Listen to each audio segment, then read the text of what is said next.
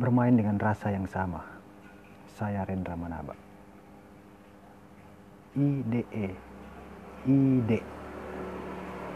Ide itu anugerah. Tidak semua manusia mendapat anugerah. Hanya manusia pilihan yang diberi amanah untuk berkarya tanpa batas ruang dan waktu. Ide itu rahmatan lil alamin, jalan kehidupan dunia menuju kehidupan akhirat kekal abadi. Dengan karya bermanfaat menjadi solusi kehidupan, maka keabadian akan tercerahkan. Ide itu hidayah.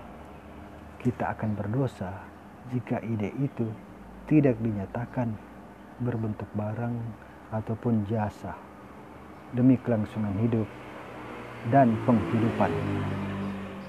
Ide itu amal kebajikan yang membawa manusia menuju peradaban, memunahkan kebiadaban, mengangkat harkat dan martabat, melestarikan hakikat kehidupan. Oke, kawan-kawan. Untuk pertama kali jadi ini perdana, saya mencoba berbicara di luar ruangan, bukan di dalam ruangan. Tahu tidak, saya berada di mana? Sekarang saya berada di pinggir jalan.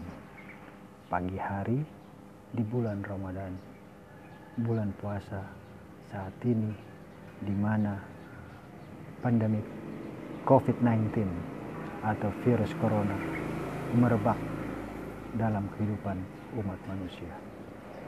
Tapi kita harus terus semangat, harus terus optimis, dan tetap rasional dalam mengamati, melihat, dan dalam beraktivitas.